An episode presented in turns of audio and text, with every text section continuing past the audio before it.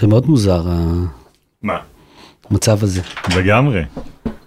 כי? כי אני לא יכול לצעוק עליך. אתה לא יכול לצעוק עליי? אתה יודע מה אתה עוד לא יכול לעשות? מה? אתה לא יכול להדליק סיגר. די, לא פה. פה אתה לא, לא מגלגל ולא מדליק סיגר. גלגל אני יכול. מה, אתה יכול, זה- אבל לא, זה לא כמו, נשים אליך לאוטו, תתחיל, נגלגל סיגריה. צמצלם, תעצור לסיגריה. אי אפשר. אחי, פה זה חדר העריכה שלי, לא יכול אחר כך שיסריח לי מעשן כל השבוע. טוב, מקובל? אין לי ברירה. עוד תנאים? לא, אין תנאים. חוקים? אין לנו חוקים. על מה מותר? הכל מותר. יפה, אז נתחיל.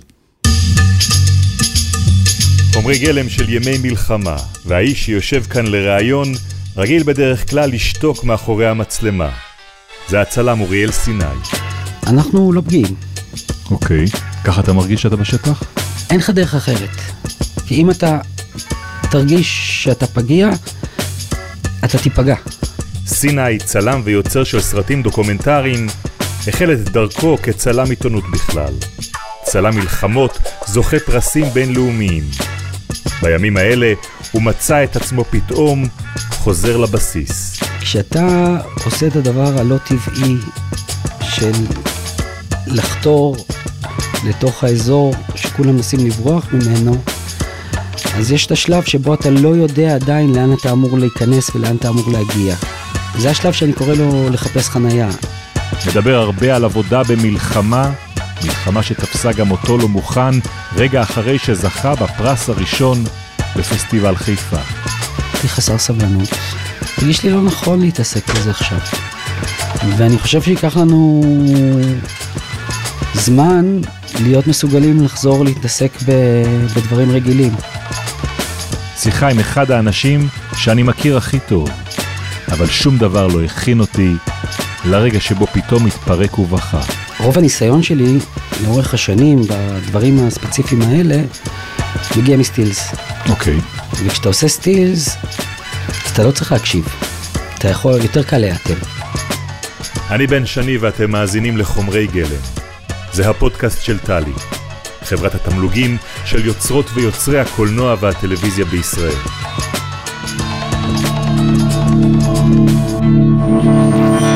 חומרי גלם. הפודקאסט של טלי. אנחנו מקליטים בתוך המלחמה, שזה פסיכי, כי אנחנו היינו עסוקים ב, בימים האלה בצילומים ובעשייה, וזה דבר שצריך לברך עליו, נכון? כן, היינו עשויים בצילומים ובעשייה, והייתי שמח להיות עסוק הרבה יותר. להיות עסוק הרבה יותר בצילומים. הרבה יותר. לא הספיק לך מה שצילמת. אני לא רגיל ככה. מה זאת אומרת? אני צריך להיות כל הזמן בשטח. למה אתה רגיל? ל-24-7, לצאת לאפטר בשבת שנייה. ככה עבדת תמיד. כן. באיזה מלחמות? אני לא צלם מלחמות, הייתי בכל הסבבים פה. אה, הייתי ב... באוקראינה ב-2014, בקונגו, בצ'אד, ב... בגרוזיה, בקניה, במלחמת אזרחים, אה, בהאיטי ברעידת אדמה, בציקלון בבורמה, כאילו דברים כאלה, וכשדברים כאלה קורים אתה, אתה בדרך כלל נבלע, אתה או יורד דרומה ולוקח איתך איזה תיק עם כמה בגדים ו... וקצת יבשים, מה שנקרא, ו... ו... ו... ונעלם בתוך איזה צימר או איזה חדר במלון, והופך להיות הבית שלך, או שאתה עולה על טיסה. ו... ומגיע למקום שאתה נמצא בו, והוא הופך להיות הבית שלך עד שאתה עובר ממנו, כי, ה... כי האירועים משתנים ואתה עובר לנקודה הבאה, ואז בסוף, אחרי חודש, חודשיים, שבועיים, אתה חוזר חזרה. המצב שאנחנו נמצאים בו הוא קשה לי מאוד, בגלל שאני כל פעם צריך לחזור אליו מההתחלה. אנחנו עושים גיחה מתל אביב. כן, ואז אתה חוזר חזרה הביתה, אתה חי את החיים, אתה עושה מקלחות לילדות, אתה קם בבוקר, אתה לא יודע אם אתה צריך לקחת לגן, או לא לגן, או, או לארגן סידור, או וואה, וצריך לרדת עכשיו מיד חזרה. והדבר שהכי קשה לי זה ה... מה שאני קורא לחפש חנייה. למה אתה מתכוון? כשאתה עושה את הדבר הלא טבעי של לחתור לתוך האזור שכולם מנסים לברוח ממנו, אז יש את השלב שבו אתה לא יודע עדיין לאן אתה אמור להיכנס ולאן אתה אמור להגיע. מהמם. וזה השלב שאני קורא לו לחפש חנייה, כי אתה מנסה לה, לה, להבין מה הגבולות, איפה אתה יכול להגיע בלי להיפגע, או איפה אתה יכול להגיע בלי שיחסמו אותך, ולהבין את התמונה, תמונת הקרב, מה שלא הבינו פה ב-7 לאוקטובר. כן. אתה כל פעם מחדש צריך להבין את תמונת הקרב, וכשאתה נמצא שם, אז אתה כל הזמן מבין אותה. ומה אתה כשאתה יוצא מחפש? ואתה נכנס, אתה אבל מה אתה מחפש? קודם כל להבין אוקיי. איפה אתה נמצא, כן. מה הסיטואציה. אחר כך למפות אותה בראש, להבין איך אתה מספר את הסיפור, איך אתה אוסף תמונות או שוטים בשביל לספר את הסיפור הרחב יותר, וגם למקם את עצמך, ואז בתוך זה, איפה ה... אה, decisive moment, מה שנקרא. מהמם. כאילו, איפה הנקודה? איפה, איפה, איפה הבשר? ו- ובסיפור שלנו?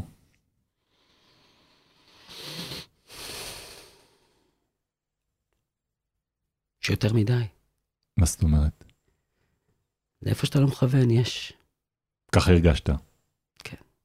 איך זה בא לידי ביטוי? איך זה נראה? מה הזווית שלך?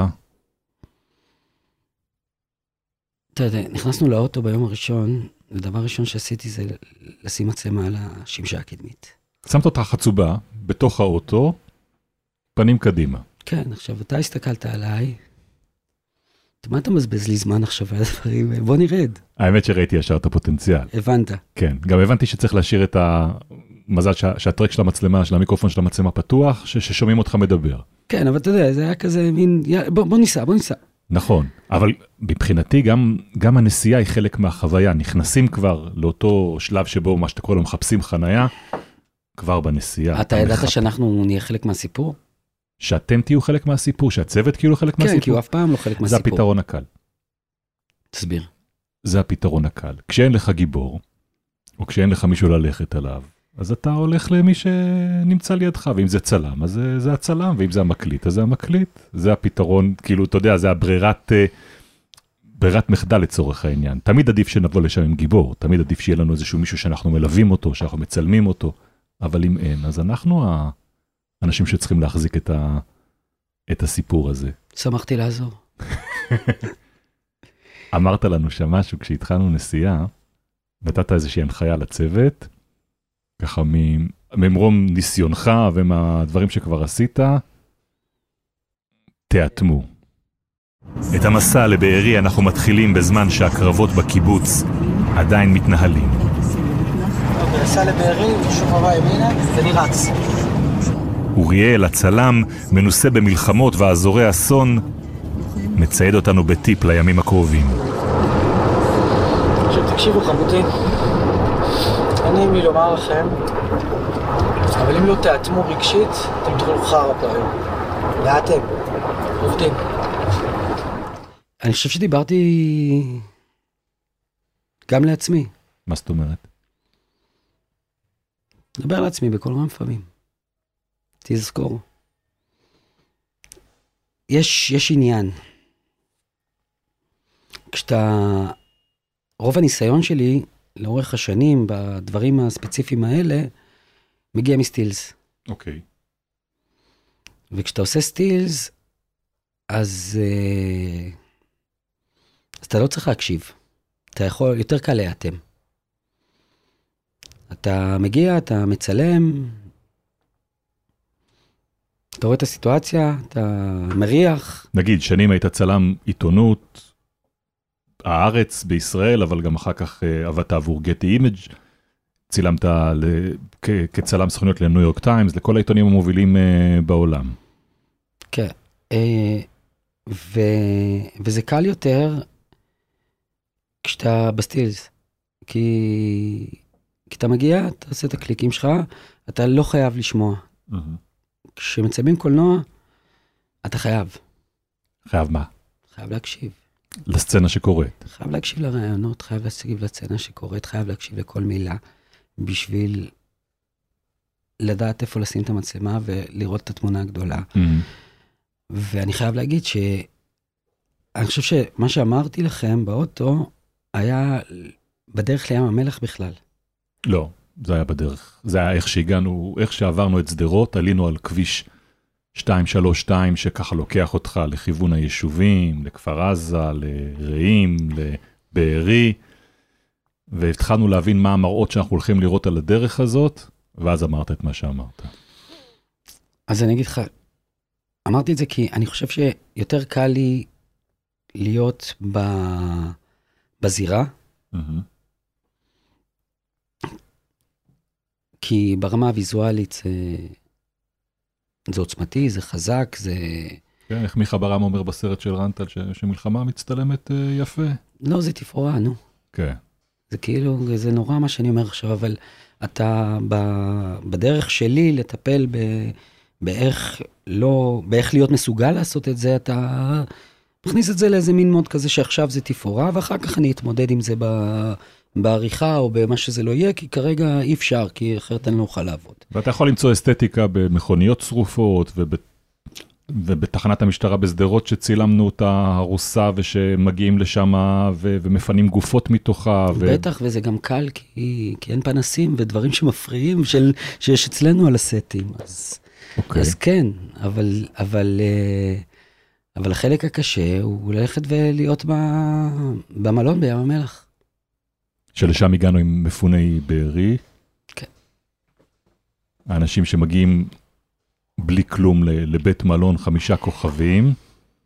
ואז יש אה, ערימה של... אה,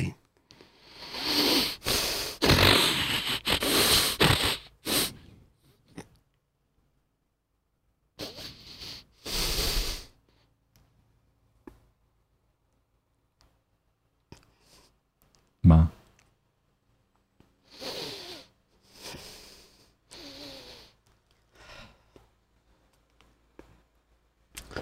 ערימה של נעליים. למטה שם ב- בחנות שפתחו להם, לפליטים. וילדה באה למדוד. מחפש לה נעליים.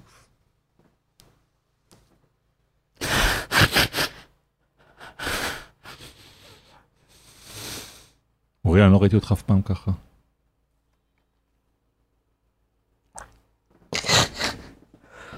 אנחנו יום לפני זה עמדנו בבארי עצמו, בקיבוץ.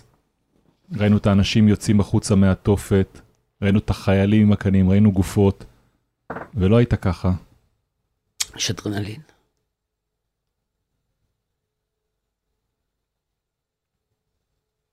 מפצל הכל. אדרנלין. המוח עסוק. הוא עסוק באדרנלין שמציף אותך. הוא עסוק בלראות את הסיפור ולתעד אותו. הוא עסוק בלהבין איך האוטו אמור לעמוד בשביל שתוכל להיכנס אליו ולצאת מהר. הוא יכול לברוח. הוא, אמור, הוא עסוק בהמון המון דברים, זה כמו... אני לא לוחם, אבל אתה נכנס למוד של לוחם, אתה צריך להיות בחיילות. זה מצחיק, חשבתי על זה הבוקר, ממש בחיילות. כשאתה רואה את החמאסניקים, אתה רואה אותם בסרטונים, אתה רואה ש... כאילו, אתה מבין שזה... חיילות שהם לא משהו. לא משהו. אבל כשאנחנו יודעים לעבוד, בגלל זה אני הרבה פעמים גם עצבני ו- וכועס וכעוס, ו... כן. כי צריכה להיות חיילות. אנחנו נמצאים במצב שבו בכל רגע, המצב שאנחנו נמצאים בו עכשיו יכול להשתנות ב-180 מעלות, ואתה צריך כל הזמן לדעת מה הדרך שלך החוצה גם. ומה החיילות מבחינתך? סוללות, עדשות, להסתכל עליך, להסתכל על הצוות שלי, לראות שהם בסדר. ולהביא את כל מה שאני יכול בסיפור הזה, להרוויח ארוחת צהריים. זה ה... ואז במלון בים המלח.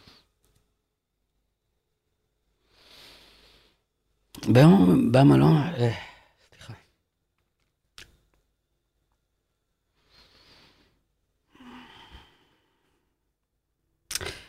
תראה, אני חושב ש... אחד הדברים, אני חושב שזה הדבר שמוביל אותי כל הזמן, שנים, אני יודע שאתה אולי פחות מרגיש ככה בזמן האחרון, זה להיות יותר קטן מהאירוע.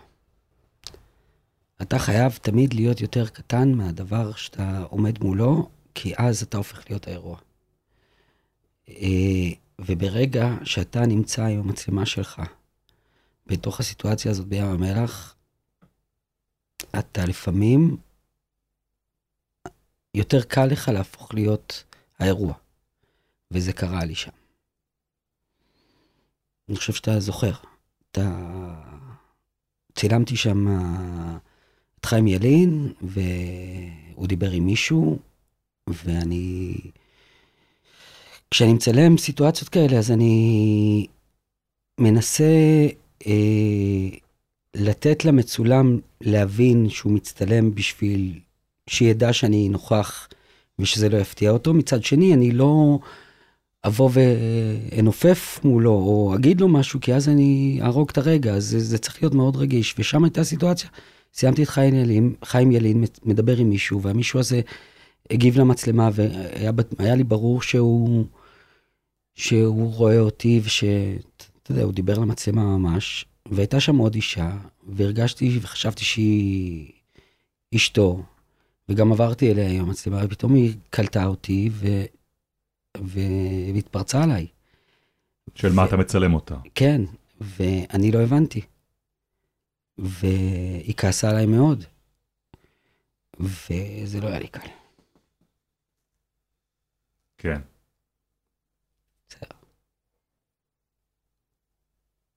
אז אמרתי לך ש... שאנחנו מבינים כמובן, שלא לא, לא, לא, מישהו כזה שלא רוצה, אנחנו לא נצלם אותו, אבל גם כן את הכעס שלה אתה צריך לשחרר כי, כי אתה מייצג עבורה משהו עכשיו, זה לא אתה. לא, היה לי ברור שזה לא אני. היה לי ברור לגמרי שזה לא אני. היה לי... גם, אתה יודע,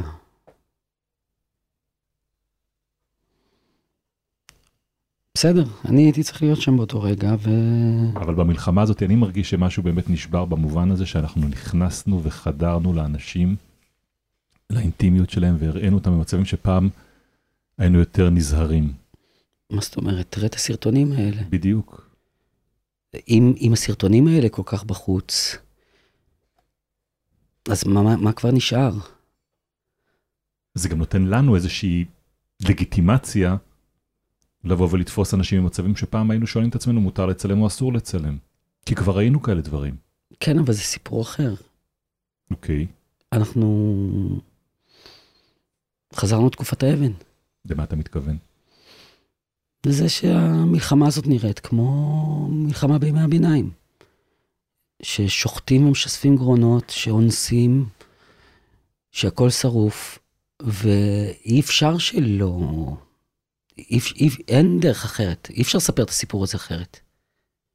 אי אפשר להיות סטרילי פה היום. לי זה הזכיר את הסצנות שראינו במשחקי הכס. בדיוק. כל הקרבות האלה שבהם יש ערימות של הרוגים בסוף. תקשיב, היינו בכניסה לבארי, אני חשבתי שבארי נגמר כבר. לא הבנתי בכלל שזה עדיין קורה. אתה הלכת למפונים, ומסביב עשן מתעמר. עכשיו, אנחנו לא התייחסנו לעשן מתעמר הזה. כאילו זה היה נראה... ו... חיפשנו דמויות. כן, חיפשנו דמויות. אתה... ו... וכאילו... ואחרי שעה שאנחנו שם, או שעתיים, אני כבר לא יודע, שהוא, מישהו אמר לך... כן. פה ליד הגופה זה... ש... שאלת משהו, אז הוא אמר שם, ליד הגופה. ופתאום ראינו גופה, שהייתה שם כל הזמן. לידינו. לידינו. שבדיעבד גם כן הערכנו אותה כל הזמן, ולא הבנו. הערכנו המון ריחות. אני חושב שהכל התערבב והכל. לא הבנו איפה אנחנו נמצאים ביום ראשון. אני חושב שאם היינו מבינים, היינו עוצרים הרבה לפני בארי. אה, אבל בסדר, ו... ולי קשה עם זה שאנחנו לא שם כל הזמן, אבל בסדר, זה... כשאנחנו חוזרים מדי פעם, אתה אומר, כן, הגיחות האלה. כל פעם זה... לסיפור אחר. לא כן. נשארים על סיפור. כי... כי אנחנו עכשיו עובדים ב- בסייקל של חדשות שמשדרים משבוע לשבוע. ואז אתה צריך לחזור, לאבד את החומר, לערוך אותו, לשדר אותו. אין לך זמן להתחיל עכשיו לרוץ על סרט. אתה גם יודע מה קורה לכל הפרויקטים האלה שהיינו בהם, בהתנתקות ובקורונה, צילמנו לאורך זמן פרויקטים, פרויקטים, פרויקטים, וכשנגמר האירוע, אף אחד לא רצה לראות עוד, עוד סרטים עליו. זה לא משנה בכלל. אוקיי. כי אני חושב ש... אתה יודע, יש לנו את השיחה הזאת באוטו הרבה. כן. אני חושב שצריך לעשות כי צריך לעשות. יראו עכשיו, בעוד שנה, בעוד 30 שנה, בסוף יראו. נכון. ה- זה שאנחנו חיים בתוך עולם שמשלב בתוכו אה, מסחריות ורייטינג מיידי, זו בעיה מבחינתי, אני אבל רוצה איך אנחנו לעשות. לא היינו שם, כן, אבל עוד פעם, אנחנו, באמת, זה לא אנחנו מרכז האושר שהלכנו שם על ה... למשימה שלנו עכשיו, אני יודע, אנחנו המינגווי שיוצא לצלם את ה... אה, או לכתוב על המלחמה, או מישהו, או קאפה שיוצא לצלם את מלחמת האזרחים בספרד. אנחנו רוצים עכשיו, יצאנו בשליחות של עובדה, של מגזין טלוויזיה, שיש לו סליחה תוכנית רגע, לשדר. למה לא? כי אנחנו נמצאים כאן לא בשליחות של עצמנו, נמצאנו בשליחות של מגזין שמשדר באותו שבוע, שהוא צריך שאנחנו נחזור אליו עם החומר, לשדר אותו בסופו של דבר באותו שבוע. לא היית שם מיוזמתך, היית שם כשליח של, של ארגון אה, חדשות, שיש לו משימה להביא תוכנית בזמן נתון, ואתה יודע שאם היינו עובדים עבור החדשות, אז היינו צריכים לחזור ולרוץ לשדר את, החומרים עוד באותו ערב, לא היה לנו אפילו את הזמן של כמה ימים לאבד אותם בחדר העריכה. חבל. תמיד חבל. לא, אני, אתה יודע ש... תמיד, גם אני רוצה לעשות תמיד סרטים, אבל כשאתה עושה עכשיו במוד שאתה עושה כתבות, אז אתה צריך. תראה, תראה, תראה, אני, אני, אני חושב, קודם כל אני מסכים. אין פה, זה, זה גם, אני אגיד לך יותר מזה, אנשים. שצילמת אותם, אנשים שצילמת אותם, לא באים להצטלם אצלך כדי שאתה תעשה עליהם ביום מן הימים את הסרט שאתה חושב שאתה רוצה לעשות. הם באים כי יש להם משהו להגיד עכשיו, הם רוצים שיראו את הדברים שהם אומרים עכשיו. אבל שני הדברים האלה סותרים. אוקיי, זאת אומרת, מה שאני אומר זה שזה נכון, וזה מה שאנחנו, אה, שכרו אותנו לעשות, מה שנקרא, אבל יחד עם זאת אפשר להמשיך. ו... ואתה יודע מה, יכול להיות שזה לא סותר. אני רק, ב... בתחושה שלי מעדיף להיות בשטח ו... ו... ו... ולא לצאת ולחזור כל הזמן, זה העניין. Mm, מבחינתי. זאת אומרת, אני חושב שזה חשוב שאנחנו מספרים את הסיפור על בארי, ואני חושב שזה סופר חשוב, הסיפור של, של נהגי האמבולנס. ו, ו, ו, וכל הסיפורים הם חשובים, ולצייר את התמונה הזאת זה חשוב, אבל לי, לי אישית קשה עם לצאת ולחזור, לצאת ולחזור, אבל אני חושב שאולי הייתי מתלונן אם זה היה הפוך גם. לא, גם לי קשה. גם לי קשה, רק אני אומר, אני, אני בסופו של דבר מכיר בעובדה שזו המסגרת שבה אני פועל עכשיו, ושלמענה אני פועל עכשיו, שזה הדבר שאני אמור עכשיו לעשות, וכשאני אמור לעשות כתבה, אז גם אמור בשלב מסוים לחתוך את הצילומים, לחזור לחדר העריכה ולחתוך את החומר בחדר העריכה, אחרת לא תגיע לשידור. שידור זה דבר ששומר על משמעת מאוד מאוד חשובה בסדר היום שלך, זה חלק מהחיילות שלי. בסדר, אני פחות טוב בלקבל מהות. אני יודע. אבל חשבתי שתגיד משהו אחר כשדיברת על הזמנים, כי היה שם רגע בבארי שפתאום הגיעו, פתאום הגיעו החברים שלך, הקולגות שלך מהימים ההם של הסטילס. פתאום, כאילו, מתוך העשן הגיע איזה אוטו ויצאו עם שכפ"צים שלושה צלמי עיתונות. שלושתם צלמים, אתה תחזור על השמות כי אני לא, לא זוכר, היה שם את אדוארד אה, קפרוב, אדוארד קפרוב, אה, היה לי על קצה לשון הרגע. אה, אמנון גוטמן. אמנון, נכון? כן. אני, הם אנשים שאני... והייתה עוד צלמת של אה, איזושהי סוכנות לא זרה מכיר. שאנחנו לא מכירים. והם הגיעו עם מצלמות הסטילס שלהם, והתחילו את מה שאנחנו כבר יותר משעה מצלמים שם, וקליק קליק קליק קליק קליק להביא כמה פריימים, לעקוץ את הפריים הזה, לקחת אותו ולברוח ולהמשיך הלאה לתחנה הבאה. נכון, זה מה שעושים. זה מה שעושים. מה עושים? מגיעים, עוקצים, מסתכלים, מבינים מה הדבר הבא וממשיכים אליו, וככה אתה, זה, על זה דיברתי קודם, ככה אתה מצליח לשמור. כשאתה נשאר באותו מקום, אתה חייב להיפתח, זאת בעיה. כי העבודה של הדוקו היא, היא להישאר במקום, להבין אותו, לדבר עם אנשים, לאסוף סצנה, לאסוף רעיונות, שיחות. זה לא, לא יבוא מזה שנעקוץ ונברח. וגם פה יש איזשהו מתח במלחמה בין התנאים שאנחנו רגילים לעבוד בהם. מה שאנחנו חייבים בשביל... זה, זה רגע שהיה לי מאוד מאוד מוחשי, דווקא כשצילמנו על הגדר ב, בניר-עם. בשלב מסוים אני אומר לך, אני, אני צריך שוט, שוט של עזה. בוא ניסע פה לנירם נביא, איפה רואים שוט של עזה? והחיילים שליוו אותנו אומרים, אין בעיה, אנחנו ניקח אתכם לראות את הגדר. אנחנו מתחילים לנסוע, כן, אבל אמרו לך, צריך להיכנס לרכב ממוגן. אבל לא היה לנו רכב ממוגן, אז אה, הם נסעו לא, ברכב כאילו, הם, הם נסעו ברכב ממוגן, ואני, כשהם אמרו רכב ממוגן, הבנתי לאן הולכים. אבל אנחנו נסענו ב- בסוואנה הגדולה והלא ממוגנת, כי אנחנו היינו צוות גדול. ואנחנו מגיעים ואנחנו מטפסים, נכנסים קילומטר, שני קילומטר לעומק השדות לכיוון אה, הגדר, ומטפסים על איזשהו מאגר מים, וכשמתחילים לטפס על מאגר המים, פתאום אני רואה את עזה נפרסת על פניי, לפניי, ואני מבין, אני כבר מבין מה קורה, כי אם אני רואה את עזה, הם רואים אותך. עזה רואה אותי. והכביש הזה שהוא נוסע לאורך המאגר הוא כביש מאוד מאוד צר. אי אפשר להסתובב עליו, זה כאילו אנחנו טור של רכבים רוורס, ממוגנים של הצבא. רק ברוורסים אפשר לנסוע. ואוקיי, אומרים, זה המקום, ועכשיו אתה מוריד חצובה לצלם את אה, עזה. ואתה רוצה אה, לצלם את עזה כמו שצריך, אתה, מה, מה הבאת שם, איזה עדשה? אה, 300 מילימטר, גדולה כזאת של הכדורגל, כן. וצריך, ובחרתי לא להרכיב אותה לפני, כי לא ידעתי מה יקרה. כי לא. ברגע שאני מרכיב אותה, אז אני יכול לצלם כמעט ורק לרחוק. בטווח מאוד מאוד רחוק, אתה לא יכול לצלם משהו שקורה קרוב אליך בתוך האוטו או, או לידך. בדיוק, והייתה לי מצלמה אחת, ובחרתי להרכיב אותה רק שם. ו... אז אנחנו בסצנה הזאת בכביש הצר ליד המאגר, ואתה מתחיל עכשיו להרכיב לי את חצובה, את, את העדשת ה-300 על החצובה. נכון, אבל כשאני מרכיב את עדשת ה-300 החצובה, אנחנו עדיין מתחת לתלולית. אוקיי. אני מרגיש בנוח לעשות את זה שם. יש איזשהו עפר, תלולית עפר שמכסה בינינו ובין עזה, זה מח- מחסה שיש לנו בינינו ובין עזה. כן, זאת אומרת, פגיעה של טיל נ"ט אני לא יכול לחטוף.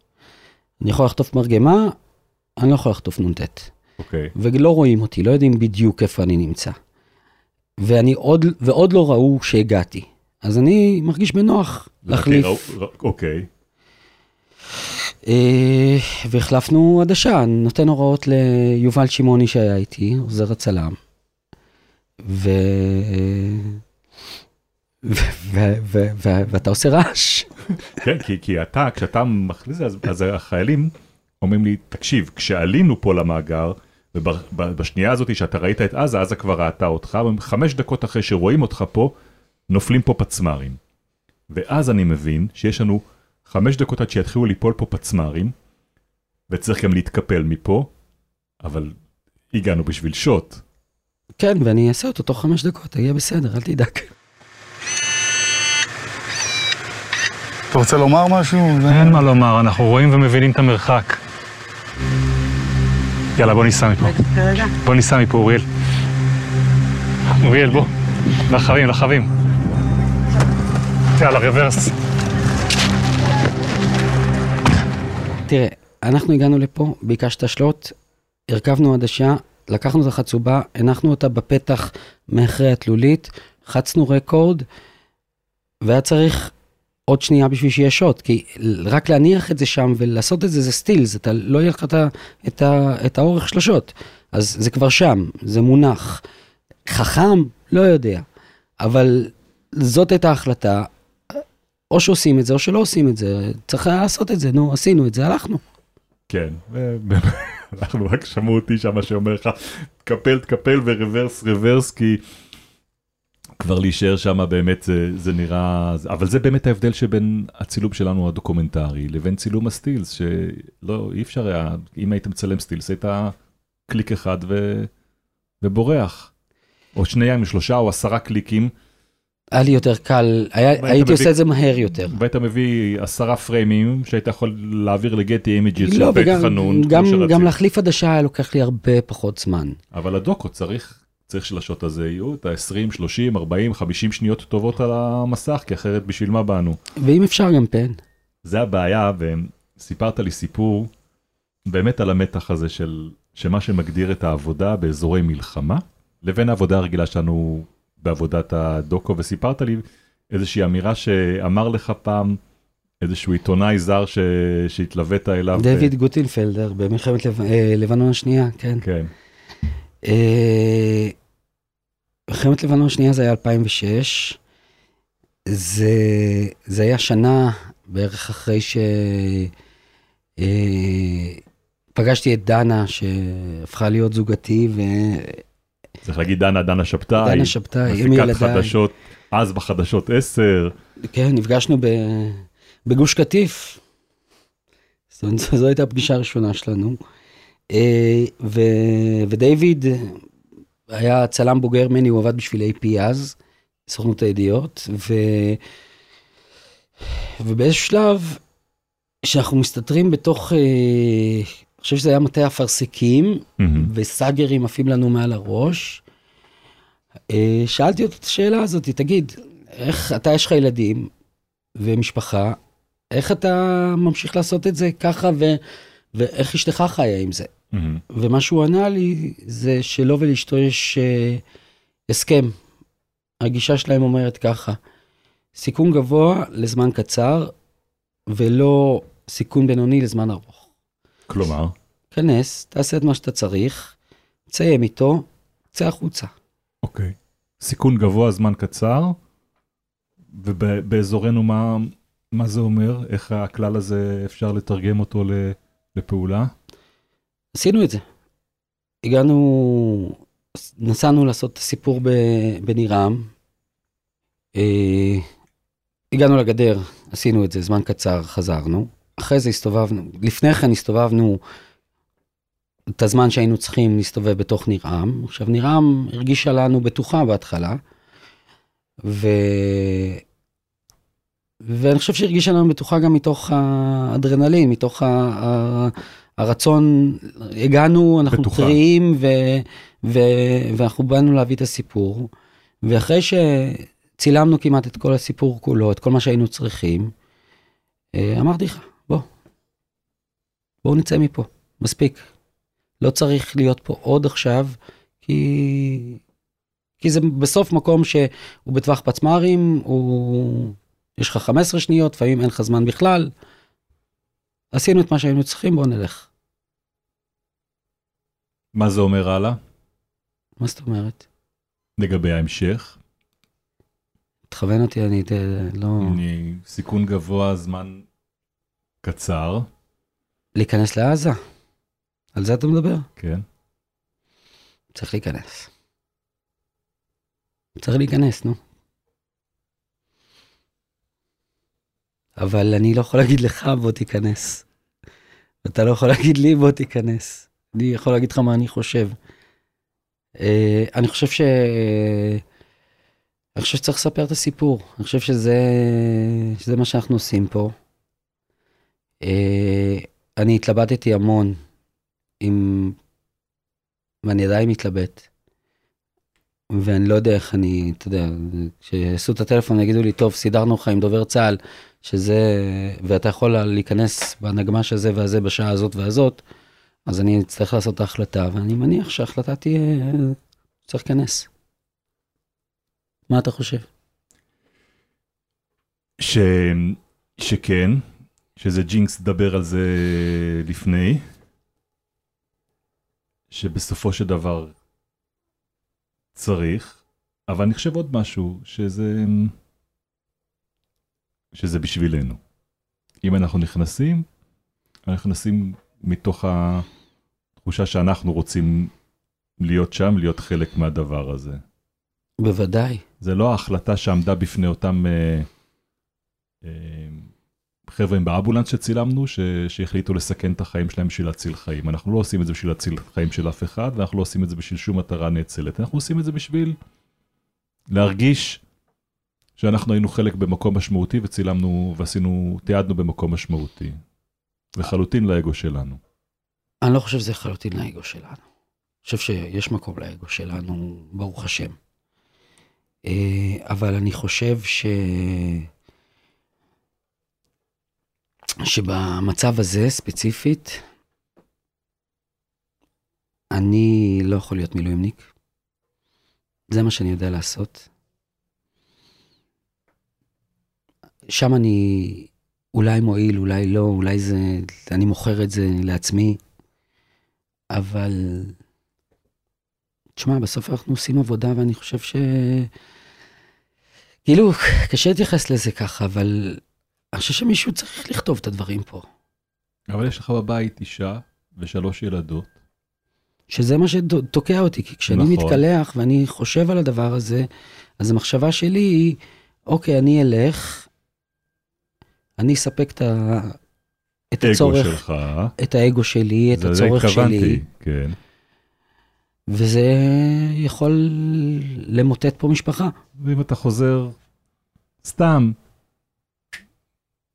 חס וחלילה, bad luck, אבל עם איזושהי נכות, מה... לא, לא יותר מזה. אבל אי אפשר, מה? אי אפשר להתעסק בזה. אנחנו לא פגיעים, אוקיי. ככה אתה מרגיש שאתה בשטח? אין לך דרך אחרת. כי אם אתה תרגיש שאתה פגיע, אתה תיפגע. אוקיי. זאת אומרת, אתה, אתה, אתה לא יכול להתנהג או לחשוב שיקרה לך משהו, כי אז לא תתפקד. כשרצת בגיאורגיה, במקום שבו הפגיזו וירו, במלחמה, שבה אף אחד לא אכפת לו ממך, כי אתה לא צד של שום דבר, אין חיילים שלך שם, אתה לחלוטין זר. הרגשת ככה? היו רגעים ש... הרגשת חסין או הרגשת שאתה בסיכון? היו רגעים שהרגשתי שאני בסיכון. היו, היו מקומות ש... היו מקומות שהבנתי ש... שזאת בעיה. אבל... אבל אם אני ארגיש ככה כל הזמן, אני לא אצליח לתפקד. אז... אז אני לא יודע מה התשובה, ואני לא יודע אם אני כן אכנס. ואני גם לא יודע אם יציעו לי, אתה יודע, עכשיו דיבור פה, דיבורים פה הם בעלמא. אה, אבל, אתה יודע, אחרים נכנסים, עושים את העבודה, לא יודע. בוא נראה. מה אתה רואה בטלוויזיה בימים האלה? אני לא רואה טלוויזיה. די, נו. אני רץ בין טוויטר לפייסבוק, לקצת טלוויזיה. למה אתה לא רואה טלוויזיה? יש לך זמן לראות טלוויזיה. אין לי קשב. מה זאת אומרת? יש לי, אני סובל מבעיית קשב וריכוז חמורה. ספר לנו על זה. וההצפה הזאת כן. היא של מידע מכל כיוון, לא מאפשרת לי להיתקע על משהו. ו... ואני עובר מדבר לדבר, ובגלל זה אני חושב ש... שחשוב גם לעשות את מה שאנחנו עושים, שזה רגע להאריך את, ה... את משך הכתבות משתי דקות ל-20 דקות, לתת איזשהו עולם לצלול אליו, וש... אבל בכל אופן, בתקופה הזאת, תציין משהו שראית, ולא אכפת לי ממה, מאיזה ז'אנר שראית, ו- וככה, וכן צפית בו, וכן דיבר אליך. אני לא מצליח לראות כלום, באמת? באמת. לראות משהו שלא קשור למה שאנחנו עושים, למלחמה, משהו מתוך המלחמה, משהו, אופן שבו מישהו כיסה את המלחמה, משהו שבו אתה, שאתה רואה עכשיו על המסך שמדבר אליך.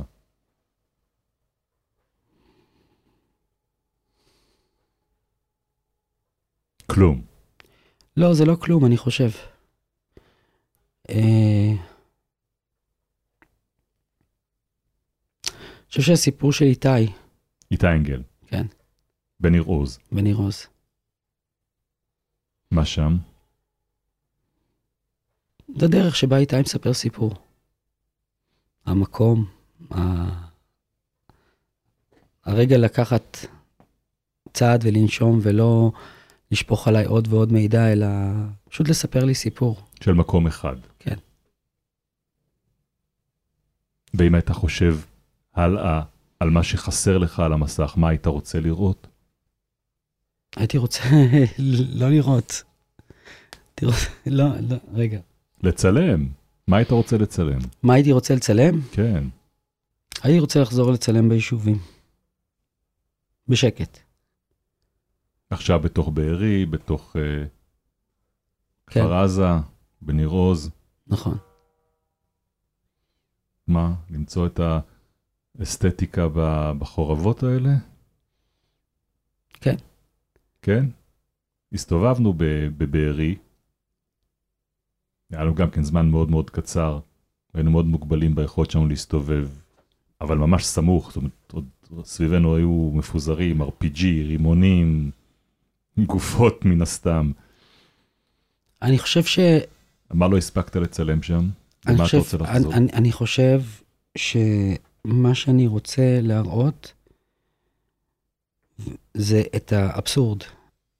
את ה... אתה יודע, היה שם שוט אחד ב...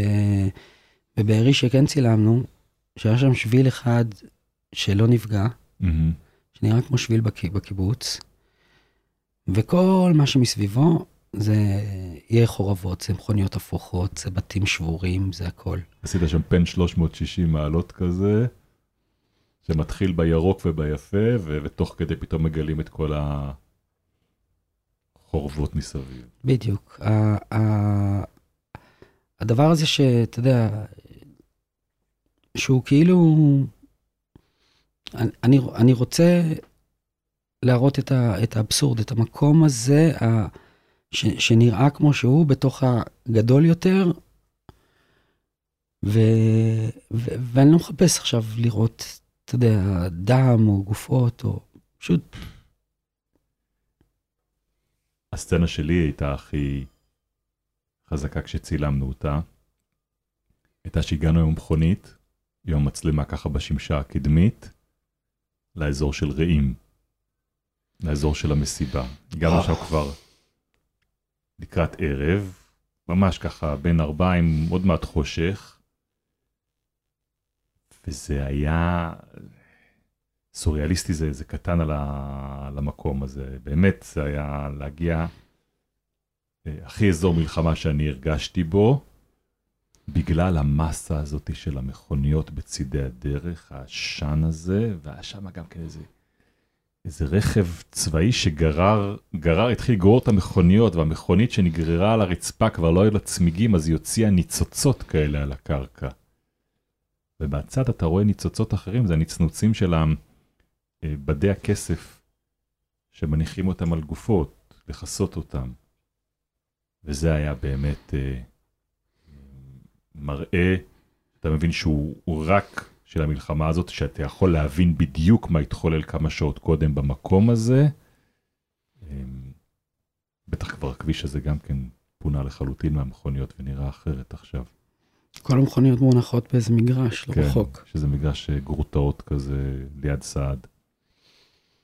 והן מפוזרות בצורה מאוד מאוד לא הגיונית. כן, אתה כל הזמן שואל את עצמך, רגע, זה, זה רכבים שחנו שם, ואתה מבין שלא יכול להיות שהם חנו שם, כי הם, הזווית של המכונית בצידי הדרך היא כזאת שהם הם נמלטו ו, ובשלב, ונתקעו בעץ, נתקעו פה ב, בסיבוב הפוך לכיוון התנועה, בתוך תעלה. בצד הדרך, הפוכות, חלקן שרופות לחלוטין, חלקן רק השמשות מנופצות ואתה רואה את סימני הירי עליהן.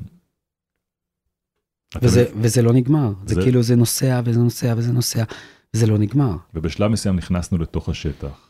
ניסענו לתוך שטח המסיבה עם המכונית, ניסענו בין, בין, בתוך החניון של המסיבה, שגם שם עוד עשרות מכוניות עומדות, והרכב עוצר מול איזשהו בית. אני הלכתי לדבר ואתה הבנת מה קורה בתוך הבית הזה. והקרוון, כן. יש שם קרוון, ואני ממשיך לרוץ, אתה יצאת מהאוטו, והרגיש לי שקורה שם משהו, לא ידעתי מה קורה שם. ואז אחרי כשיצאנו, הם סיפרו לנו, אני חושב שאנשי זק"א שם, ששם בתוך הקרוון חוק, יש, יש שבויים, כן, יש שם מחבל מחבלים, יש שם מחבלים חיים שחוק- שחוקרים אותם עכשיו, כן. בשטח. בשטח. אתה יודע מה נזכרתי עכשיו? מה? מה כתבתי לך ב... אה, ביום שבת, השביעי לאוקטובר? כן, מילה אחת בבוקר. אתה היית בריצה. נכון, אני עוד רצתי בבוקר, חשבתי שזה, שזה אזעקה אחת וזהו. אז אולי, אתה יודע, אולי הפעם ה... השם של המלחמה הזאת יהיה דווקא בעברית. כן. כי זה מחזיר אותי לסיבה שבכלל רציתי לדבר איתך. האמת שרציתי לדבר איתך בכלל, הזדמנות מעניינת לדבר איתך ככה, אבל, אבל גם חשבתי שאם יהיה לי מדבר, מעניין לדבר בימים האלה, זה מי שאני מדבר איתו הכי הרבה בימים האלה, וזה אתה. אבל בלי קשר, חשבתי שאני אפתח את השיחה בשאלה איפה היית בשישה באוקטובר, או בחמישה באוקטובר. אתה היית על גג העולם, אשכרה על הגג. היה, היה לי יום נחמד בחמישי לאוקטובר. כן, אה? זכינו בפסטיבל חיפה, אני יחד עם אה, פז שוורץ, ענני תקשורת, עשינו סרט. זכית בפרס הסרט הדוקומנטרי המצטיין של פסטיבל חיפה. וזה ממש, האירוע הוא, הוא יום חמישי בלילה. אתה יודע מה מצחיק? נו, זוכר איפה שצילמנו את, ה... את השוט של המסגד, שראינו את עזה ועזה ראתה אותנו? כן. שם צולמה, שם, על הגבעה הזאת, על התלולית הזאת שהסתירה אותנו, שם צולמה סצנת הסיום של, של נוני. סרט נוני היוני, סרט נפלא, סרט דוקומנטרי.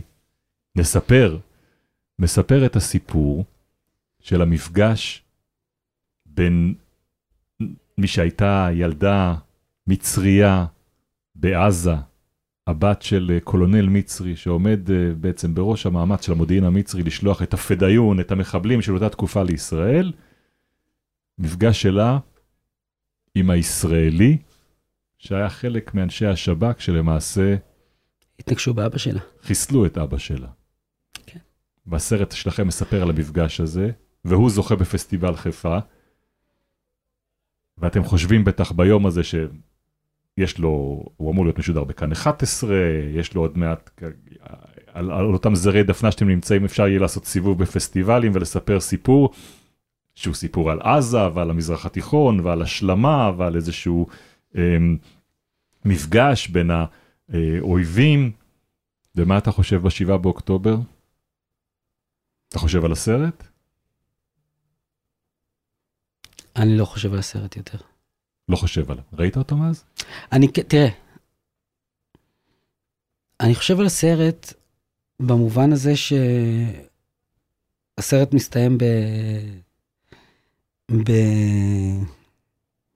בשיר ערש בערבית, והשמש שוקעת, על עזה, ויש איזושהי השלמה בין אה, גייזי לבין נוני, גייזי זה אותו איש שב"כ, כן. ואז כל הדבר הזה מתעורר שוב, והיה משפט ב... בנימוקי השופטים בחיפה, ש... שהם כתבו ש... הם כתבו על הסרט ו... ועל איך שהוא נראה, ו... ושזה קצת נראה כמו עולם אוטופי, ש... שאם המציאות הייתה נראית קצת כמו איך שנראה הסרט, אז אולי היינו חיים במקום אחר. ואז קורה השביעי לאוקטובר, ו- וזה הדבר שאני חושב עליו בהקשר של הסרט. העולם אחר הזה ש... שכנראה לא יכול להתקיים פה. אני חושב שכשצפיתי עכשיו בסרט שלכם, קודם כל הוא מאוד רלוונטי, כי הוא בעצם אומר שגם אנחנו נמצאים היום באיזשהו רגע, בתוך ההיסטוריה של המקום הזה שהוא רווי מלחמות, ושגם יגיע הרגע של, אני מניח, חייב להגיע הרגע שבו ישבו אנשים שהיום נמצאים משני הצדדים לדבר שוב, חייב להיות, אבל אנחנו נמצאים באיזשהו מעגל, דווקא בגלל שאני מסתכל על האנשים הזקנים האלה, על אותם גייזי והחברים שלו שהיו שותפים בחיסול, שנורא רוצים לפגוש את הבת של הקולונל שהם חיסלו. אתה מבין שהם, כשהם מסתכלים אחורה, הם, הם רואים את התקופה בכל מה שכל כך חסר לנו היום. וזה מה שדיברת עליו, אני חושב, כשדיברת על מה שאתה מחפש, כשאתה מחפש את הסצנה, יש להם איזושהי פרספקטיבה. פרספקטיבה על, ה, על המציאות שבה אנחנו נמצאים, והם יודעים להגיד שאנחנו נמצאים היום בתוך איזושהי תקופה. האם זה, האם זה מדכא? כי אנחנו נדונו לעוד 50 שנים כאלה אחרי, יכול להיות, אבל זה גם, אני חושב שמה שנותן קצת אופטימיות. כן, יש פה...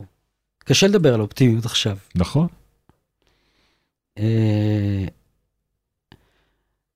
אבל אני אגיד לך משהו, אני חושב ש... מה שזיהיתי אצל גייזי ואצל החברים שלו, זה את, ה... את המלחמת אין ברירה, מה שהיה אז, בשנות החמישים. Mm-hmm. וזה קצת דומה למה שקורה איתנו עכשיו. כן, כשהם מדברים על הפדאיונים, כמו שאנחנו מדברים על החמאס, כשאתה שומע את משה דיין בסרט שלכם על הקבר של רועי רוטברט בנחל עוז, אתה שומע את ההספדים בהלוויות עכשיו? אנחנו באותו מעגל. אה, כן, ואני לא חושב שלא אני ולא אתה נראה את הסוף שלו. לא. רק אני, אני אגיד שכאילו מבחינתי המלחמה הזאת היא מתחילה בזה שבשבעה באוקטובר אני חוזר מ, מאותה ריצה והשארתי את הטלפון באוטו למרות שהייתה אזעקה אמרתי רצתי על הטיילת אמרתי לא צריך את הטלפון איתי. לא יודע למה. ואני חוזר ואני, ואתה מתקשר אליי לטלפון שבדיוק אני מרים. ואני אומר מה... רגע, רגע, רגע, תספר כן. איפה היינו בשישי לאוקטובר. זה כואב. זה כואב. בשישה באוקטובר הייתה הבכורה אה, לסדרה שלי ושל שי להב, אה, שנקראת אינתיפאדה. איך אומרים אינתיפאדה בעברית? התנערות, התנערות, משהו כזה. אהוד יערי אומר, אינתיפאדה זה התנערות. גם באותו פסטיבל חיפה, הקראנו את הפרק הראשון של הסדרה הזאת, שמספרת את החוויות שלנו כחיילים בתקופת האינתיפאדה הראשונה, ובכלל את הסיפור של האינתיפאדה הראשונה דרך העיניים של חיילים. סדרה שאתה צילמת אותה. ובשישה באוקטובר עשינו בכורה שלה באותו אולם שבו אתה זכית בפרס ראשון ערב קודם. וכשדיברנו בבוקר בשביעי לאוקטובר? כתבת לי התנערות. שאלה של מי עכשיו? וצלצלת אמרת לי, אתה לא מבין מה קורה עכשיו, יש טנדרים עם חמאסניקים בשדרות. אני לא האמנתי שאתה, שזה מה שאתה מתאר לי, ולא הבנתי, לא הבנתי שאנחנו בעיצומו של טבח, אני חייב לציין, לא הבנתי שאנחנו... עזוב, אנחנו לא הבנו את זה עד שלא הגענו לשם. אני חושב שלא הבנו את זה, שזה באמת. טבח? אני חושב שאתה לא יכול... אתה, עכשיו כבר אתה יכול, כי אתה כאילו כן. כן, גם עכשיו מרחוק. המספרים האלה, ה-1200 זה מספר שכאילו... אז נוקבים- דיברו על, על 200, על 300. כן. אתה יודע, 300 היה נשמע לנו לא, גבוה. כן, 300 נשמע כבר כאילו, זה עד שביידן דיבר והקפיץ את זה ל-800 או משהו כזה. אבל, אבל באותם, באותו יום, באותו בוקר שאנחנו מסתובבים, זה עשרות, כנראה מאות, עד שראיתי את המכוניות האלה. אני חושב שהמכוניות זה הסדרי גודל הראשונים שכאילו גרמו לי להבין, וגם אנשי זק"א שדיברתי איתם, שאמרו שיש עוד מאות גופות שפזורות פה בשטח שעוד לא אספו אותם, גרמו לי להבין באיזה, באיזה scale אנחנו מדברים ואיפה אנחנו נמצאים, שמדובר באמת בטבח כזה גדול. אני קצת מרגיש מוזר, כי אני חושב שאני צריך לשאול אותך שאלות, אבל לא, זה לא, זה לא הפורמט, זהו. זה לא הפורמט. חשבתי לעצמי מה יהיה הפורמט בימים האלה של המלחמה, אז רציתי לשאול איפה היית בשישה באוקטובר, ענינו על זה. רציתי לשאול מה אתה רואה עכשיו בטלוויזיה, חמקת מזה. רציתי לשאול מה אתה תרצה לעשות, דיברנו על זה. הדבר האחרון שרציתי לשאול אותך, זה מתי אתה חושב נחזור לסדר היום הקודם? מתי אתה חושב ש... שנחזור לעשות את מה שעשינו קודם, ו... ואיך זה ייראה? תראה, עצם זה שאני שואל את השאלה הזאת, יש בה איזה משהו... אני חושב שאני שואל את. עצמי את אותו דבר. אני חושב שאני יכול לשאול אותך עוד אותו דבר. נכון, אבל אתה פה על כיסא המרואיין. אני חושב ש...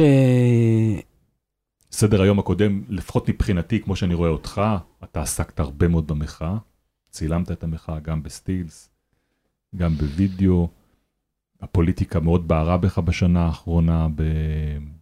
גם אני יודע בפעילות בתוך אה, ארגוני היוצרים ש... שהיית אה, מעורב בהם. ובכלל, איך זה הולך, מתי, מתי נחזור לאיזשהו שגרה מתוך, ברור שלקחנו לעצמנו בתקופה האחרונה כמה שבועות שבהם אנחנו עושים משהו אחר, שאנחנו לצורך העניין במילואים. תראה, אני, אני חושב ש, שסדר היום הקודם, מבחינתי הוא לחזור לצלם דברים שלא קשורים ל, ל, למה שעבר עלינו. אתה מקבל הצעות כאלה בינתיים? אה, יש משהו על הפרק. מפיקים שבאים ואומרים, בוא נעשה איזשהו סרט אה. שלא קשור לחלוטין במה שקורה עכשיו? אין הצעות חדשות, יש השלמות של דברים שהתחלנו כבר קודם. ואני יודע להגיד לך שיצאתי לצלם יום כזה, כן. בשבוע הראשון, והרגשתי מאוד לא נוח. לא נוח. לא נוח. תסביר. הייתי חסר סבלנות,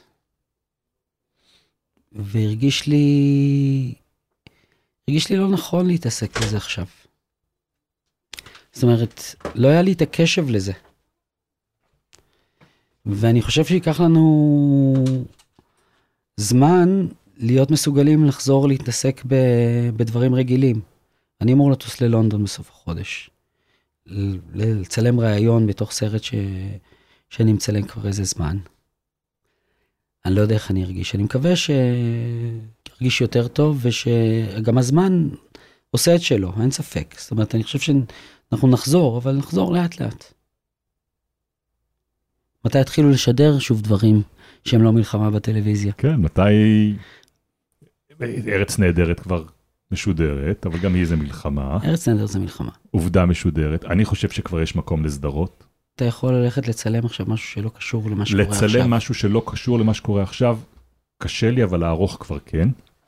לערוך את פרק הסיום של האינתיפאדה שעצרתי את העריכה שלו, אני יכול עכשיו לחזור לערוך אותו. אני מרגיש שאני יכול לחזור לעריכה שלו, אנחנו כבר חודש אחרי ואני יכול עכשיו לחזור לעריכה שלו, וגם אני חושב שאני מגיע עם איזשהו מטען חדש לעריכה הזאת, וזה נכון. לערוך סיפור אחר לגמרי, לצלם סיפור אחר לגמרי, לעובדה או סרט אחר לגמרי, אני לא יכול, אבל דווקא יש פרויקט אחד שאתה עובד איתי עליו, ש, שחשבתי שאני יכול כבר uh, לחזור לעבוד עליו, אל תסתכל עליי ככה, אתה יודע מה, מה אנחנו מצלמים שם ב... אצלי בבית. זה כן, זה, זה, זה, אבל זה קשור. אה, איך זה קשור? זה לא קשור, אבל הכל קשור. הכל קשור. כשאנחנו עושים דוקו אז הכל קשור, את זה אני יכול לעשות. אמ, ו... וכן, כן, כן, החיים אה, מתחילים אה, לתת את המופע שלהם ולבצבץ, ו... ואנחנו מבינים שגם עזה לא הולכת לשום מקום, ואנחנו נהיה פה. במוד של לבנון. הדבר שהכי מתסכל אותי כשאני עושה את האינתיפאדה עכשיו, ואני רואה את הארכיונים של חיילי צה"ל. בשנות ה-80, תחילת שנות ה-90 בעזה, או בפרק הרביעי הם יעזבו את עזה, ולהבין שאנחנו יושבים שם חיילים, אתה מצלם חיילים בבורייג', במואזי, בג'יבליה, שמות שעכשיו כולם שומעים אותם, ואומרים, אנחנו פה לעשות את העבודה עד שהדרג המדיני יגיד לנו שיוצאים מפה, אבל כבר שיגידו שיוצאים מפה. וברור לי שתוך שלושה חודשים, חצי שנה, אנחנו נשמע חיילים שאומרים מתי אנחנו יוצאים מפה.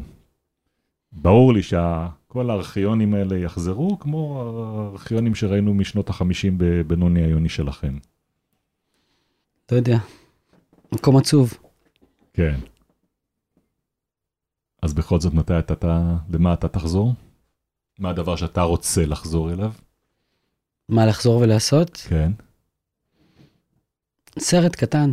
סרט קטן. סרט קטן. על מה? זה סיפור קטן. לא יודע מה. שאתה מביים שאתה עושה. כן. אוקיי, בא לך. כן, שנים לא עשית. נכון. מאז פרא שלך, שגם צריך להגיד, זכה בפסטיבל דוק אביב. שעשיתי עם דניאל פלג. כן. ועכשיו, אה, אה, טוב, אז עכשיו יש לך גם פרס, ו... ואפשר, תשמע, אנחנו צריכים לסיים. מי ישמע את השטויות שלנו עכשיו פה? אתה... נשלח את זה כאילו- על גלי טוב. על גלי הפודקאסט. תודה רבה רבה, תודה לך. היה תענוג לדבר איתך. תודה רבה. אני אוהב אותך, גם אני אוהב אותך. ואני מאוד מודה לך על. הפתיחות. מה? אני רגיל שאתה מבקש מאנשים להביא משהו, אה, וואלה, נכון, נו. ועשיתי לך הפתעה. וואי, וואי, וואי, איזה חמוד. אבן. אבן. מה זה, זה חלוק כזה. זה נראה כמו... וואו. מאיפה אתה חושב שזה הגיע? תשמע. מאיפה אני חושב שזה הגיע, אם זה אתה, יכול להיות שזה הגיע מגוש קטיף. יכול להיות שזה תעלה צפונה קצת. רמת הגולן, יש פה איזה משהו וולקני. קצת יותר צפונה. מלבנון? זה אבן שהבאתי איתי מקרחון בגרינלנד.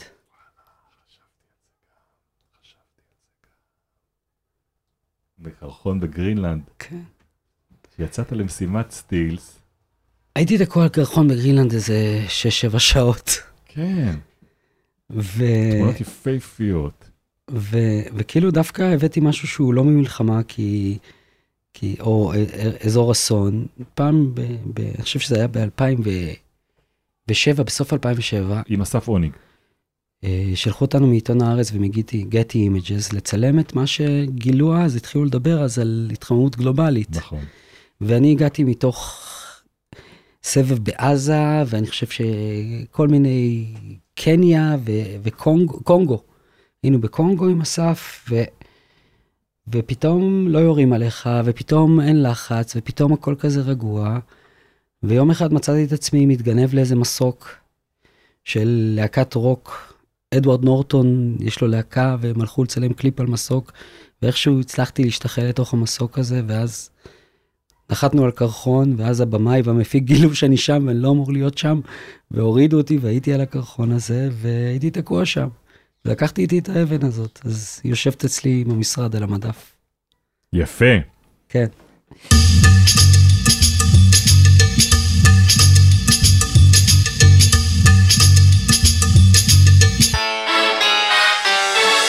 זהו, זה הגלם שלנו להיום. עורכת את הפודקאסט דפנה יודוביץ'. יונתן שני על עריכת הסאונד. תודה מיוחדת לאורח שלנו, הצלם אוריאל סיני. חומרי גלם זה הפודקאסט של טלי, חברת התמלוגים של יוצרות ויוצרי הקולנוע והטלוויזיה בישראל. בקרוב נשוב לכאן עם גלם חדש, ועד אז ממני בן שני, ימים שקטים לכולנו, ותודה גדולה שבתוכם גם מצאתם רגע להאזינה.